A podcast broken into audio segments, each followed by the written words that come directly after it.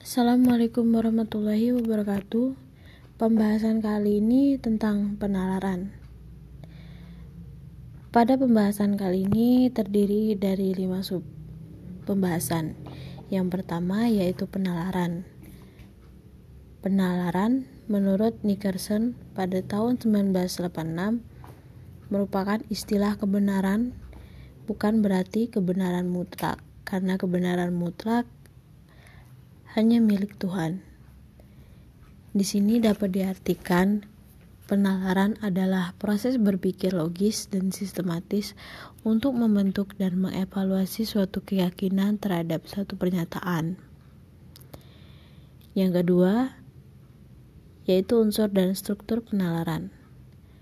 Struktur dan proses penalaran dibangun atas dasar tiga konsep penting, yaitu yang pertama asersi, yang merupakan suatu pernyataan yang menegaskan bahwa sesuatu adalah benar. Yang kedua, yaitu keyakinan. Keyakinan sendiri adalah tingkat kebersediaan untuk menerima bahwa suatu pernyataan atau teori mengenai suatu fenomena atau gejala adalah benar. Yang ketiga adalah argumen.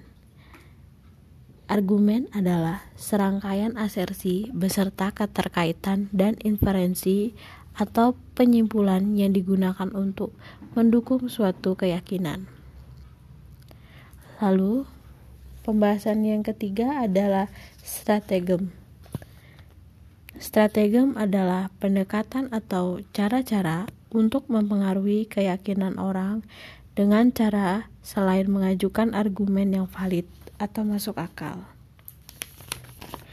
Strategem biasanya dilakukan untuk membela pendapat yang sebenarnya keliru atau lemah dan tidak dapat dipertahankan secara logis. Contoh dari strategem misalnya adalah misrepresentasi. Strategem yang dilakukan dengan cara memutarbalikan atau menyembunyikan fakta, baik secara halus maupun terang-terangan. Pembahasannya keempat yaitu salah nalar. Kesalahan struktur atau proses formal penalaran dalam menurunkan simpulan sehingga simpulan menjadi salah atau tidak valid. Salah nalar biasanya bukan kesengajaan dan tidak dimaksudkan untuk mengecoh atau mengelabui. Pembahasan yang kelima adalah aspek manusia yang menghambat argumen. Aspek-aspek manusia yang dapat menghambat argumen terdapat enam, yaitu yang pertama penjelasan secara sederhana, yang kedua kepentingan mengalahkan nalar, yang ketiga sidroma tes klinis, yang keempat metalitas Joko Tingkir, yang kelima merasionalkan daripada nalar, yang keenam persistensi.